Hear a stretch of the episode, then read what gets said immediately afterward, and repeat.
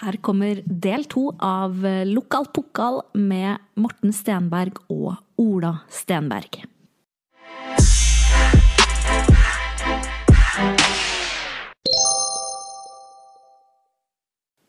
Ukens episode av Lokal Pokal er sponset av Hvil vingene dagspa. Unn deg sjøl et velfortjent pusterom i hverdagen.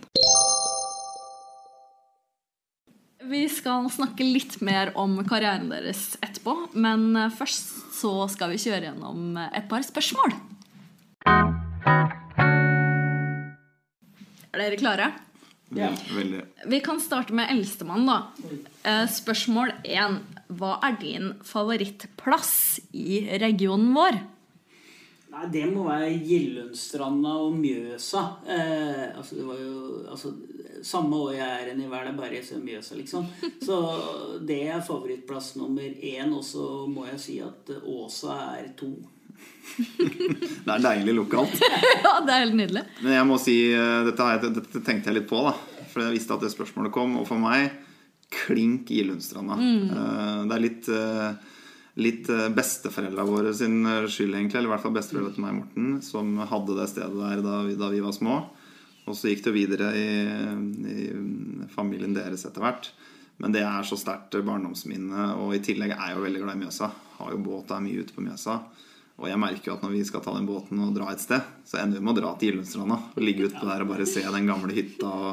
Nei, det er for meg eh, den største perla vi har rundt oss. Det er bare et helt magisk sted. Og en sankthans uten Illumstranda, det er ikke noe sankthans, liksom. Fordi da samles de fleste i familien. Er, det er jo veldig sterke familiebånd her, da. Ja. Eh, det er jo mange Stenberg-slekter på Hamar, men eh, Erik og Kari og fattern som nå er død, da, det er jo liksom altså, vi, vi, er jo ganske De fleste av oss er ganske tett samla, og det er jo alt fra sankthans eh, og første juledag eh, har jo vært en tradisjon. Eh, nå er den i ferd med å gå litt over på den ene sida, men altså eh, Sankthans Billundstranda, det det er toppen. Du må legge til en ting, da, Martin, for jeg tror liksom, Dette er jo det definitivt svaret fra hjertet. Men hvis, hvis jeg og Morten hadde fått litt tid nå og vært litt sånn ærlig på liksom favorittsted i tillegg, da, hvis vi får lov til å ta opp ett til, så tror jeg vi begge kunne enes ganske raskt om at det må bli Atlongstad eh, golfbane.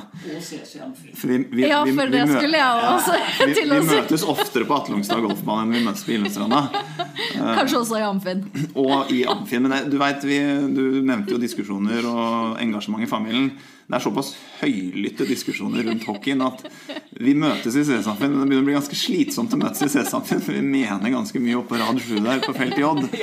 Så det begynner å bli ganske slit altså, I tillegg til at jeg syns det er slitsomt å se en hockeykamp, så syns jeg det er ganske slitsomt å sitte og føre liksom, en debatt der i tre, tre ganger 20.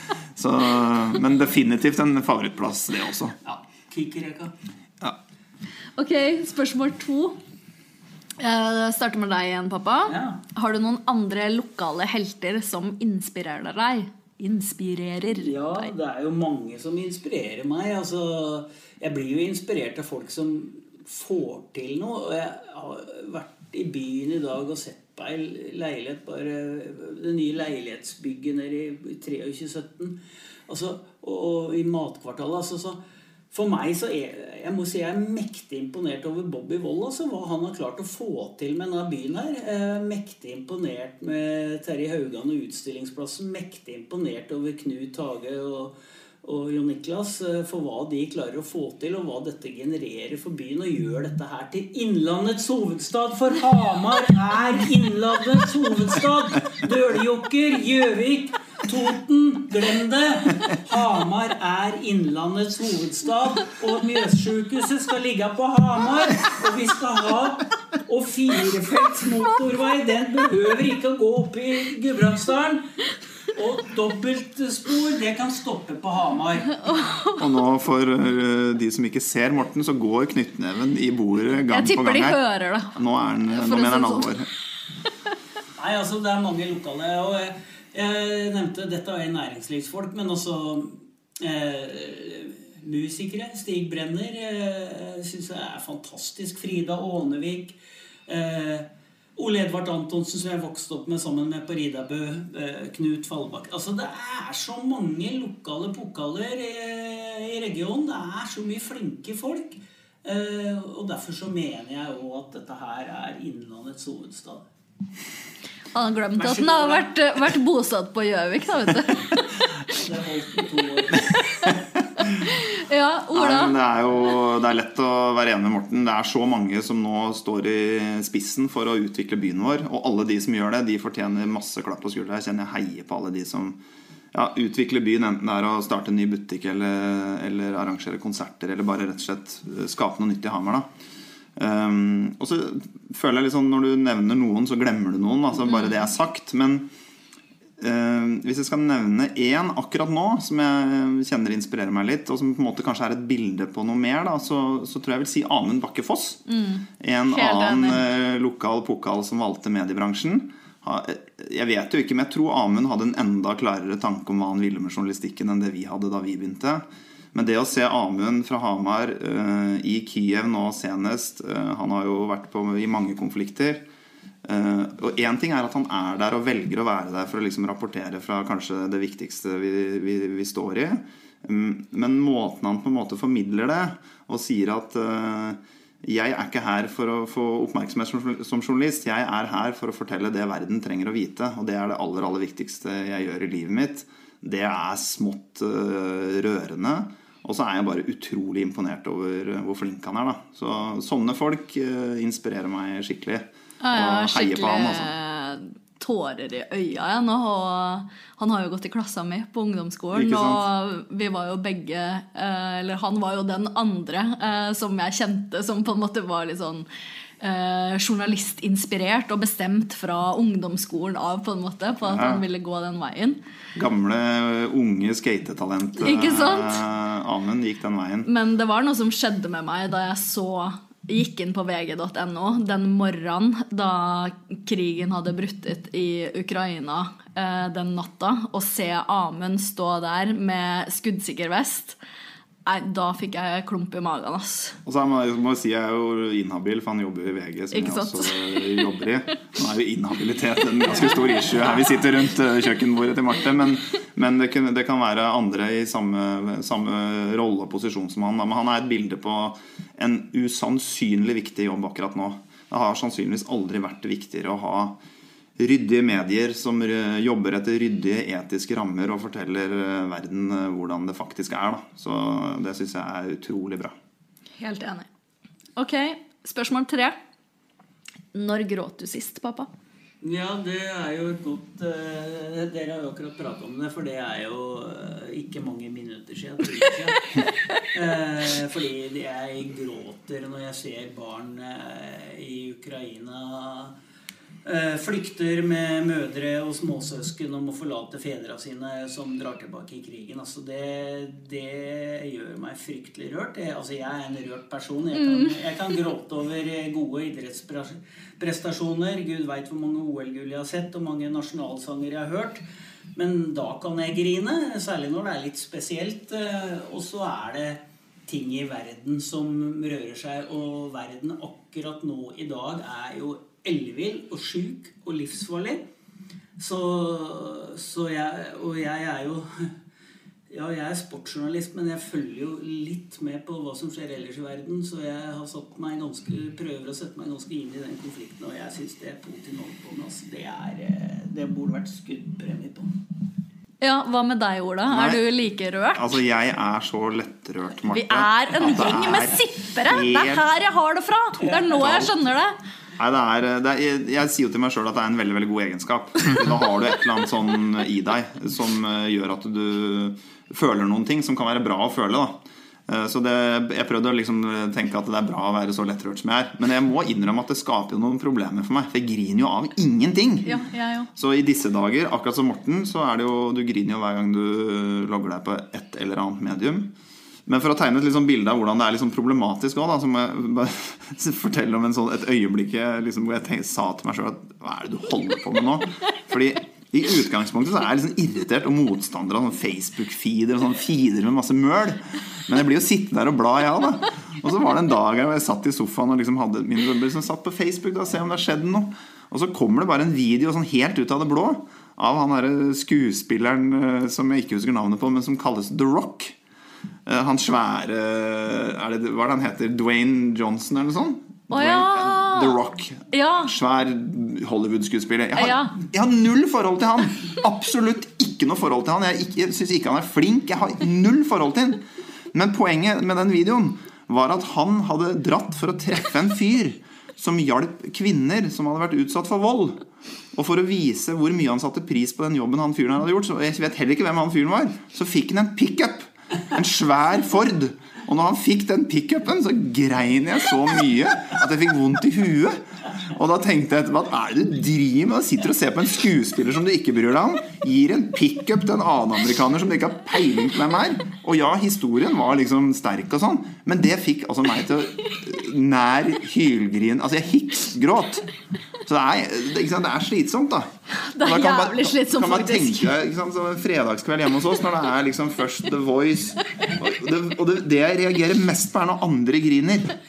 Når han er en Tom Matoma, Ja, ja. som er jo en helt nydelig fyr og alt det der. Men jeg, det, det, jeg kan ikke se det programmet lenger. for Jeg griner jo i 50 minutter. Er han i slekt med oss? Jeg, han har Vi bør kanskje spørre noen forfedre her om de har vært på Flisa. For det, han, det genet han har, det har jeg mye av. Altså. Ja, helt nydelig for øvrig. Oh, nei, men det var litt deilig å få virkelig slått fast hvor uh, det sippegreiene mine også kommer fra. For det er da så voldsomt. Ja, det er helt, det er helt uh, slitsomt. Og, Ja, det er veldig Og jeg, slitsomt. grunnen, grunnen til jeg det er slitsomt, for det er- jeg mener det er veldig positivt. Jeg mener dette er en veldig god egenskap jeg har. Men det er sånn i jobbsammenheng sånn, så er det Ja. noen ganger du ikke bør begynne å grine. Ja. Når du liksom, uh, en kollega kommer på jobb og sier liksom, vet du hva som skjedde med meg i dag? Nei, da fikk en blå Og så kjenner du at du liksom må jobbe med tårer når du bare hører en helt vanlig hverdagshistorie. Det ser litt sånn rart ut når du som leder da, begynner å grine av ingenting, liksom. Så jeg prøver å finne en balanse, da. Det er ikke så jævlig kult å, å, stå og skal intervjue en olympisk mester foran én million eh, seere, og så begynner du å grine. Og Nei, dette- produsere, liksom. altså, det er, Men det er jo dette- Jeg bare Men det er dette som er sant, Når vi alle har hørt Morten E. Garmisch? Når han drar på litt på, på, på reportasjen sin derfra Vi har jo alle hørt Morten Det er tidlig morgen i Garmisch-Partenkirchen Men for Anders Jacobsen har det vært morgen lenge alle tror jo Morten snakker sånn. Sannheten han er bare veldig rørt. rørt få å være ute på jobb. Ja, han er bare rørt hele tiden. Det er det som skjer. Det er derfor det blir sånn. Å, herregud. Ja, vi setter strek over den. Takk skal dere ha. Jeg begynte å grine litt. Da. Ja, jeg òg. Ok, men nå er vi på det stedet i programmet hvor jeg skryter av gjestene mine. Og når det gjelder deg, pappa, så er kanskje det som imponerer meg aller mest, er at du ikke gir deg på tørre møkka.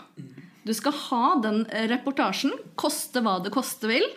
Og jeg har inntrykk av at du aldri har vært redd for å stille de vanskelige spørsmålene, eller løfte en rallybil ut av grøfta, hvis det er det som skal til.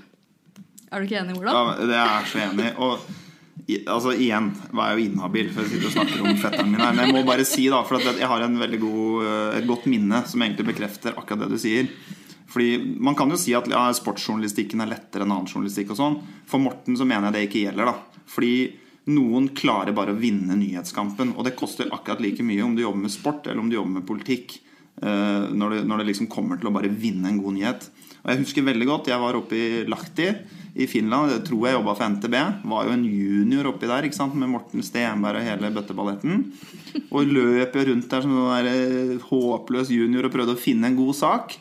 Og så kommer vi liksom til kvelden, og da er det sånn at journalister møtes, kanskje spiser litt sammen.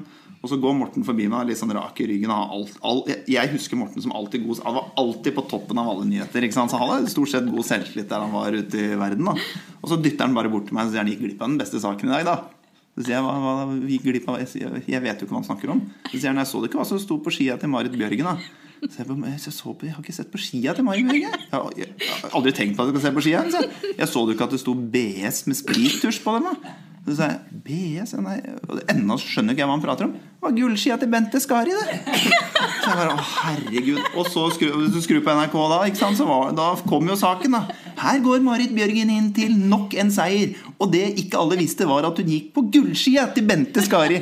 Og så vant jo Morten den nyhetskampen den dagen, for han bare alltid er så sinnssykt på ballen i det, det miljøet han har jobba i, enten det er langrenn eller golf eller hva det er. Så du har helt rett, Marte. Huska du ikke den? Jo da. Du hånlo. Han blir rørt nå. Jeg hadde sikkert lagd en sånn meningsløs lett vinkel på et eller annet. Og så kobler BS òg, da. Ja, ja, Morten så det umiddelbart. BS, ja. Bente Skari. Må være Bente Skari. Og tenk hvis det er et par gullski, og det var det. Og der satt den første saken på Sporten på Søndagsrevyen der, tenker jeg. Og når det gjelder deg, da, Ola, så er jeg full av beundring for hva du har klart å komme opp med i form av utvikling i bransjen. Eh, Du er jo en av de første som lagde TV på avis. Eh, Og du slår meg som enormt mediesmart og handlekraftig. Han er jo kåra til noe sånn mediehuer nå. Hva det var for noe? Var det Ja, interaksjonsdesign nå? du-? Du, du kommer meg litt til forkjøpet, men vi kan ta den nå, da. Du vant også nylig da Nona sin pris for årets netthode. Og i begrunnelsen så står det annet Få har preget det norske arbeidet med digital journalistikk slik årets vinner har gjort.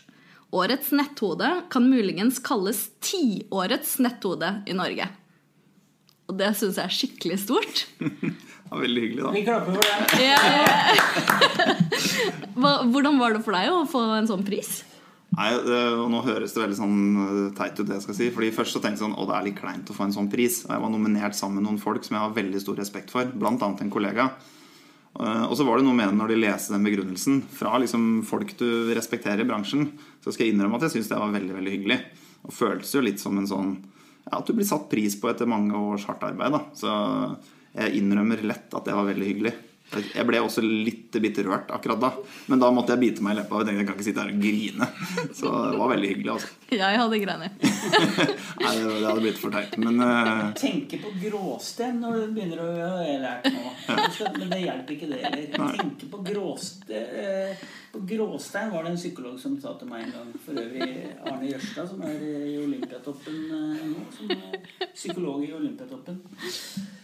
Men hva er det som har gjort at du på en måte har eh, gått den veien i forhold til å utvikle bransjen? da? Jeg tror det er en sånn fin miks av eh, egeninteresse og litt sånn tilfeldigheter igjen. da Men eh, jeg, jeg kommer fra Journalisthøgskolen. Da hadde jeg jobba i HA, jobba litt i NTB, litt i ANB, et annet nyhetsbyrå. Og så fikk jeg jobb i VG. Egentlig som en sånn kall digital journalist som skulle drive med litt ja, redaksjonell utvikling, egentlig. Og så kom jeg rett fra Journalisthøgskolen og hadde TV-linja der. da Gode, gamle TV-linja på Journalisthøgskolen i Oslo. Så jeg hadde litt sånn uh, lyst til å gjøre noe TV uh, på en nettavis. Uh, Og det var det liksom noen få andre som hadde drevet og pjukla litt med i VG før meg. Og det var ikke noe sånn, det kom jo ikke inn med noe rocket science. liksom Jeg sa jo bare at nå gjør vi sånn som NRK holder på. De står overalt og rapporterer fra steder. Det kan jo vi gjøre òg. Og det var egentlig det vi gjorde. Vi gikk ut og begynte å fortelle hva som skjer på video. Og så henta vi inn mye liksom byråvideoer. Og da var, det, var jeg litt heldig, fordi da gikk vi fra egentlig å være én til to som hadde gjort en og annen video, til at vi satte det litt i system. da.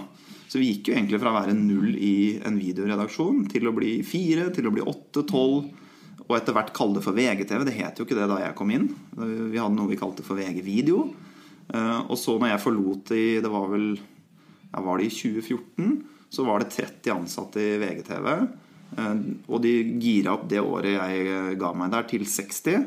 Og i dag kjenner vi det som en stor videooperasjon, en helt naturlig del av nettavisa og en stor programavdeling osv. Så, videre, så det ble liksom starten på medieutvikling for meg. Og det var vel egentlig der jeg kanskje ble litt sånn tenkte at ok, denne veien her er spennende, for det er så mye digital utvikling foran oss. Um, så jeg har egentlig bare brukt egentlig all min tid da, eh, de siste nesten 20 åra på det. Jeg husker at dere lagde sånn helt i starten eh, Julebruskongen. Helt riktig. Du var ikke med, var ikke du med? Jo, jeg var med på det. Jeg har gjort helt utrolig mye rart. Og går etter de sømmene hva jeg holdt på med. Så var det jo fra Jeg husker liksom Den ene dagen så leda jeg en sånn partilederdebatt nede i passasjen i VG. For det skulle vi også selvfølgelig gjøre, for det gjorde jo TV. Og da sto liksom alle partilederne i Norge, inkludert statsministeren der. Og jeg var programleder. Og det var, følte liksom egentlig ikke at jeg var skodd for det. Og så fire dager etterpå så var jeg Grand Prix-programleder, for vi skulle sende Melodi Grand Prix. Vi skulle ha Melodi Grand Prix-sending. Og så uka etter så lagde vi Julebruskongen, som var liksom vår julekalender. Så jeg var jo helt eh, Gikk jo i alle retninger, da. Så jeg prøvde mye forskjellig, kan du si. Du har vært eh, skuespiller òg. Du har spilt homonisse. Ja, det er, jo, det er jo en av de beste fun factene jeg har, må jeg si. Når, når jeg liksom i et godt lag kan si at jeg har vært med på reality-TV. Uh, og, og starte gjettekonkurransen er aldri noen som kommer til svaret hvis de ikke vet det. Men sannheten er, som Morten sier, helt tilfeldig når jeg var rundt 20, så ble jeg spurt om å være statist i 'Nissene på låven' sesong 1. Takka nei tre ganger fordi han som spurte, han var vel innspillingsleder eller noe sånt, en, jeg spilte innebandy med. Han, når jeg spurte hva det vi skal være, da, så sa han at det skal være én av tre homofile nisser. Og det var noe med innsalget der som ikke helt satt for meg. Men etter hvert da når vi fikk høre hva vi fikk betalt per dag, og det var Espen Eckbo, det var tjukt av kjendiser, så hørtes det litt spennende ut. Så vi gikk all in. Jeg var homofile Even, en av tre homofile nisser som var sammen. Fikk være med i fire dager. Det jeg nok ikke tenkte på da, var at denne serien skulle gå i reprise i ti år. Så i ti år, 1., 2., 3. og 4. desember, så fikk jeg 40 SMS med ha-ha-ha-ha-ha. Så ja. Jeg, Jeg har, jeg har jo vært med på en digital utvikling, òg. Altså, jeg var jo en av de første, om ikke den første i NRK, som vi begynte å lage TV på PC. Det, var jo ikke, det begynte vi med i 2002. Det hadde aldri skjedd før. Vi måtte reise inn til hovedstader eller store TV-stasjoner og sitte i store studioer og, og redigere. Og så kom jo Dette var jo spede begynnelsen til, til eh, Hva heter det igjen? Digitalisering? ja, digitalisering var det det het, ja. Nei, og så gikk jeg til sjefen i dag en gang og så sa jeg at du, hvis, vi kan, hvis dere har et system i Oslo til å ta imot eh, store filer, så har vi en eh, idé på hvordan vi skal gjøre det. Så da Hvis du vil spare fire millioner, så er det fordi vi hadde ca. playouter for eh, gud veit hvor mange 10 000 hver helg, hver uke. Jeg regna på det. var i hvert fall ikke integrert i Gunhild og sa vil du spare fire millioner? Ja, hva faen? Hvordan skal vi klare å spare fire millioner, Morten? Jo, det er å slutte å reise inn til disse her store TV-stasjonene eh, og bestille playoter som kosta 15 000 kroner hver gang vi skulle ha over et minutt. Så begynte vi å redigere på, på PC. Og det var helt revolusjonerende når vi var på store verdensmesterskap og OL og alt sånt da. Og vi begynte også å filoverføre fra PC. Så kom jo eh, TV-stasjoner fra hele verden bort og lurte på hva vi drev med. For jeg satt og prata i en mikrofon der, ikke sant? sånn som vi gjør her i dag. Og den gangen så brukte vi to til tre timer da, for å få over den fila. I dag så er går den over på ti sekunder. Og den filen er mye større i dag. Så det, altså det, det forteller jo alt om hva slags utvikling det har vært. Men da var det som en sånn strek som ble grønn. Og det tok altså to til tre eh, timer for å få over to minutter. han, feil, han feila jo gjerne en Ja, fire-fem ganger. vel, han feila gjerne ofte, så da måtte vi resume. Som den, den knappen den ble veldig kjent med resume. Eh, Jeg har jo googla dere for første gang i livet mitt. Det var ganske hyggelig å google Ola, egentlig. Og så var det litt kjipere å google sin egen far. Hvor det første som kommer opp på Google, er Er Morten Stenberg helt idiot? Flyr rundt med pipestemme og dytter mikrofonen opp i ansiktet til folk. Altså har du, har du måttet takle mye sånne kommentarer? Ja, ja. Det er jo ulempen med å stikke fram huet ditt, det. At, eh, at eh, du får fryktelig mye feedback. Altså, og det, det blir bare mer og mer ettersom sosiale medier blir bare større og større. sånn at eh, og jeg har ikke noe hemmelig telefonnummer, eller noe sånt, jeg, og sier jeg en feil, så tyter det inn på, på telefonen min og på mailen min. Og det. Men jeg, jeg er ganske Det klarer jeg faktisk eh, å ta med et smil. Og alle som skriver mail til meg, alle som skriver saklige SMS-er, prøver jeg å svare på. Men for å si det sånn, det er både ris og ikke minst ros. Altså. Og, det er jo ofte sånn at eh, det er oftere eh, ris enn ros. Så- Ja, det er jo da man får høre det. ja, så og jeg har jo hatt noen stygge slip of the tongues i, i løpet av eh, karrieren. Det er det jo Alle husker vel krokodilletårene. Det, Ja. Det var vel det, det som var det her. Begynne, når du skulle prøve å begynne å roe inn sånne tabber på direkten, så blir det bare gjerne enda dummere.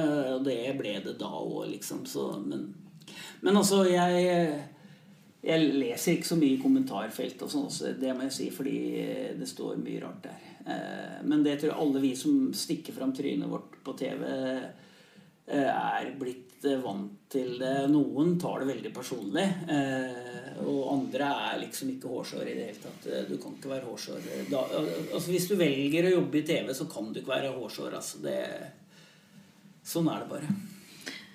Hva er det største dere har opplevd yrkesmessig? Er det noen enkeltsaker eller um, noe som har gjort um, størst inntrykk? Som dere har dekka, f.eks., eller vært med på? Ola, har ikke du vært på noe Michael Jackson? Ja, det, er faktisk, det, er faktisk, en sånn hendelse jeg husker veldig godt. Når uh, ja, I en eller annen av mange svinger i livet og karrieren så skrev jeg mye om Michael Jackson. Var veldig fascinert av et vanvittige livet han levde. Og så dør han jo på et eller annet tidspunkt. Så da, måtte, da styrta vi jo til Los Angeles og var der og fulgte det. Det, det er et veldig sterkt minne. Um, og på en måte sånn Hva skal jeg si uh, Kulturelt viktig minne. Men jeg tror liksom, det er nok ikke det som liksom, det, er ikke, det er nok ikke en sånn reportasje som sitter igjen. Jeg tror det er mer, mer det, det, er sånne enkeltsaker som du er en del av i et mediehus, enten du jobber i VG eller NRK eller andre steder, som sitter igjen da når du liksom det som alltid overgår alt annet for meg, det er når vi liksom ender opp med å lage journalistikk i et samarbeid i mediehuset som, som flytter samfunnet til det bedre. Da. Eh, det er det som er helt drivende. Eh, og det kan noen ganger være sport, faktisk, og det kan andre ganger være eh, mer liksom Hva skal jeg si Vanlige nyhetstunge saker, da. Men det å liksom sette fokus på, på mobbing med liksom bruk av digitale hjelpemidler som var veldig aktuelt en lang periode, og som gjorde at ting fikk større tilslag. Det er sånne ting som jeg virkelig som sitter igjen og liksom føler at journalistikken gjør det den skal gjøre. Da, og liksom uh, endre samfunnet til det bedre. Hva, tror, med deg? Ja. Mm. Ja. Hva med deg, pappa? Nei, altså Jeg har jo veldig mange sterke øyeblikk, egentlig. Fra liksom Jeg har opplevd Bjørn Dæhlie, Petter Northug Alt, alt det er sjuke greier. Jeg har eh, Du har vel 15 OL, er det ikke det? eller? 13 eh, i hvert fall. 13. Eh, men, men det som gjør sterkt det, det, kuleste jeg har vært med på, det var når jeg var på, på ikke US Open, Ola, men i England. The Open. Mm. Eh, og hvor det da Det var fem TV-stasjoner. Det var jo de tre store, altså NBC, CBS og sånn. Og så ble det trukket ut da eh, av oss 150 andre, som én fikk komme inn hver dag. Eh, for å snakke med Tiger Woods. Dette var i storhetstida til Tiger Woods, som vant i Open det året. Det gjorde for øvrig òg Marius Torp. Eh, så fikk jeg da på dag fire lov til å komme inn og Dag tre, uh, unnskyld. inn og intervjue Tiger Woods i et eget rom. Og konferansieren der var veldig bevisst. Du, uh, just one question each of you. Ja, og det var greit. Og da gjorde du det på vegne av flere medier? Da, ikke sant? Da, da, gjorde jo jeg det på vegne av eh, holdt jeg på å si, SVT og NRK og sånt. Og så begynte CBS. De stilte et spørsmål, så begynte neste et spørsmål, og så kom jeg da og hadde jo forberedt mitt ene spørsmål, og så ville jeg gjerne stille et oppfølgingsspørsmål, og så et oppfølgingsspørsmål til. Og så til slutt, liksom, så husker jeg spurte Is it possible that we see you in Sweden playing golf, uh, Mr. Woods? Og så da, Den gangen så var han jo gift med Elin, ikke sant? så svarte han jo på det.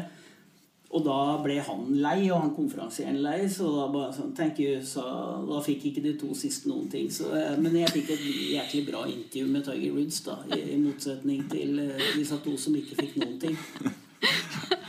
Du kuppa Tiger, rett og slett? Ja, men det er nydelig. Det ultimate intervjuobjektet. um, dere har jo vært litt inne på det at man må prioritere det her yrket her høyt. Har dere noen gang angra på hvor høyt dere har prioritert jobb i livet? Ja, det, jeg må, det må jeg si. Jeg har jo angra på det når jeg har dårlig samvittighet ut, etter å ha vært på OL i seks uker og tatt eh, ferie i bakkant og sånn, så er det klart at jeg, jeg burde kanskje vært hjemme hos dere, eh, barna mine. Men eh, ja, jeg, altså jeg har jo angra Jeg har angra, jeg. Og som du sa innledningsvis, jeg har prøvd å, å vært jobba ni til fire på Norsk Tipping og sånn. Det funka ikke, det. Og jeg Men, men altså Det er det der med sagmuggen og sånt. Altså, nå har jeg liksom Nå får jeg holde på noen år til. Altså, jeg sier at jeg skal holde på så lenge jeg syns det er morsomt. Den dagen jeg ikke syns det er morsomt lenger, den dagen jeg gruer meg for å dra på jobb, så da gidder jeg ikke. Da skal jeg finne på noe annet. Om det blir å stå i oppvasken på Vinstra eller gud veit hva. Hva tenker du, Ola? Nei, det, har nok, det er nok litt samme som Morten. Har jo angra noen ganger. Um, um, men samtidig ikke så mye at jeg liksom tenker at dette burde jeg ikke gjort. Og så tror jeg det henger litt sammen med hvordan vi har skrudd sammen nå. Da. Du, du går jo all in i det, enten det er fordi du er på 13 OL, eller du bare jobber enormt lange dager for å være med på en eller annen medieutvikling, eller hva enn det er du har som oppgave i bransjen. da Uh, og det er så drivende og, og, gir deg så mye. Uh, og det gir deg jo mye når du kommer hjem og har, har si, fått med noen perspektiver som ikke alle andre har fått med seg. Så, så det er ikke sånn at jeg tenker at dette burde jeg aldri ha gjort. Men det er sånne enkeltøyeblikk hvor du tenker at dette ble litt for heftig i en periode. da uh, Og så går man videre. Og jeg tror jeg er vel litt sånn som Morten at jeg hadde også tenkt liksom skulle fått seg en jobb på Hamar og starta et litt sånn stille og rolig liv. Jeg tror ikke jeg er bygd for det. altså Jeg tror det vil, det vil gå galt. Jeg, tror, jeg hadde vel vært på Norsk Tipping et år jeg, før jeg hadde dratt. et nytt mediehus på Hamar. Ja, det syns jeg er eh, Det kunne vi ha gjort. Ja, Vi har jo nok av folk å ta av i familien. Vokte oss for hva vi sier her mot eh, lo lokale medier vi heier på. Men jeg mener det er et poeng, da. Med både deg, Marte, som har starta en podkast sånn helt ut av det blå, og Mathilde, som vi snakka med i stad, har vel også starta en podkast og driver med mye hva skal jeg si, egen initiativ. Og det er jo litt det vi ser nå. At hvem som helst kan skape noe. Så mm, jeg har, har vært på besøk hos HA og sagt at det er bare å passe seg, fordi hvem som helst kan komme og finne på noe nytt. Og det har ikke vært masse medieutvikling på, mm, på Hamar. Så det, det ligger noen muligheter der og venter. Men samtidig så er det jo en medieby når du ser alt som eh, produseres her, av alt fra spill til reklamefilmer etc. Så det er jo et eh, kjempemiljø mediemessig på, på Hamar. Altså, men, eh, men den nyhets... Altså et, et alternativ til Hamar Media, da, det, det er det jo ikke. Nei, det er ikke det. Og det er liksom ingen grunn til å ikke tenke at det kan skje fra noen unge, flinke folk. Så mer enn Alt, alt fra lokale podkaster til eh, Ja, det er veldig lett å starte et lokalt nyhetsnettsted i dag. Det kan egentlig hvem som helst gjøre. Og det er veldig, veldig mange flinke folk der ute. Og som kan mer enn å bare skrive. Um, fra vi liksom starta, alle vi, til nå så kommer det jo eh, nyansatte til VG og NRK og andre steder som kan egentlig alt. De kan eh, journalistikken og det liksom skrevne faget. De kan video. De kan foto. De kan kanskje til og med litt teknologi. Eh, og den kombinasjonen er superspennende. Den flytter jo bransjen skikkelig. Og så er den litt farlig for de som, har, som sover i timen. da. Så det er bare å passe seg, eller gripe mulighetene. Du er litt inne på egentlig det jeg har tenkt å avslutte med. Og det er eh, altså hva vil bli viktig for bransjen i framtida? Jeg får det spørsmålet ganske ofte faktisk i den jobben jeg har. da, Hvor liksom jobben handler om å utvikle VG og skjønne utviklingen.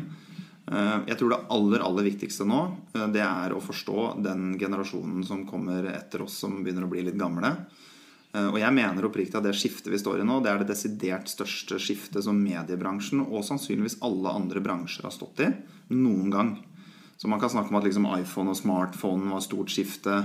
Fra liksom til, til Nei, fra avis til nett, til fra desktop til mobil. Alle disse skiftene her, disse har jo, bølgene har jo kommet, og det har vært veldig tydelig.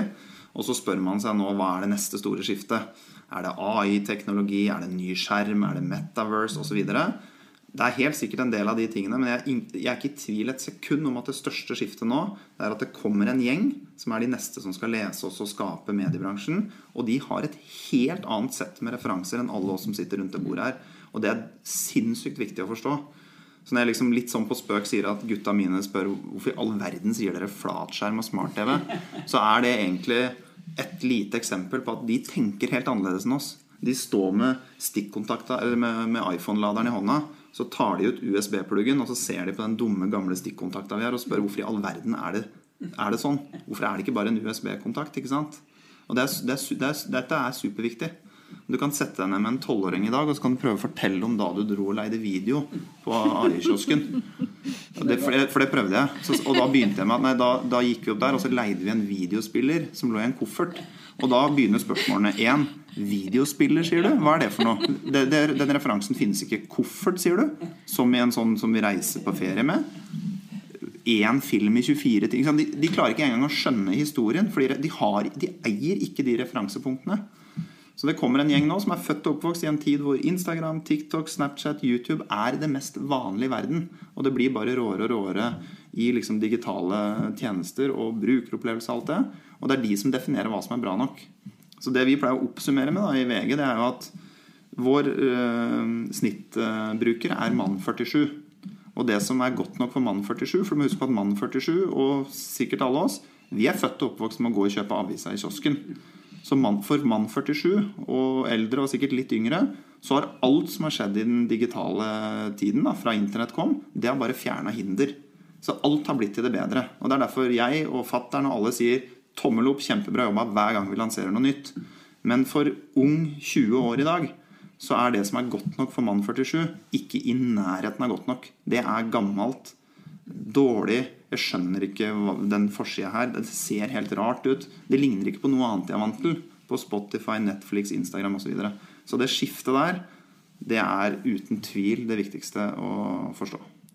Og jeg tror liksom at det gjelder både redaksjonelt og kommersielt, da. Det gjelder definitivt begge deler. Og det er som jeg sier, dette er ikke noe unikt for mediebransjen. Dette gjelder alle bransjer verden er i dramatisk endring, og det er ikke noe sånn at det står skrevet et sted at dette er det du skal utvikle. Men det kommer en gjeng som har noen forventninger om hvordan verden skal fungere. Og det er veldig vanskelig å forstå. Eh, så du må rett og slett lytte ut de, de neste du ønsker å treffe. Og det er de som egentlig svarer deg på hvordan, eh, hvordan det skal bli. Da. Eh, og det er bare rett og slett superviktig å skjønne, og det gjør at vi må endre hvordan vi jobber. Før gjorde vi bare masse ting. Vi bygde en, et produkt der og la en farge der, og så la vi den videoen der og den saken der fordi vi følte at det var riktig. Sånn er det ikke lenger. Det fins noe data og noe innsikt og noen brukere som kan fortelle deg hvorfor du skal gjøre det sånn og sånn. Og det er det du må følge. Jeg syns det er et godt eh, punktum. Jeg. Tusen takk for at dere ville komme, pappa og Ola.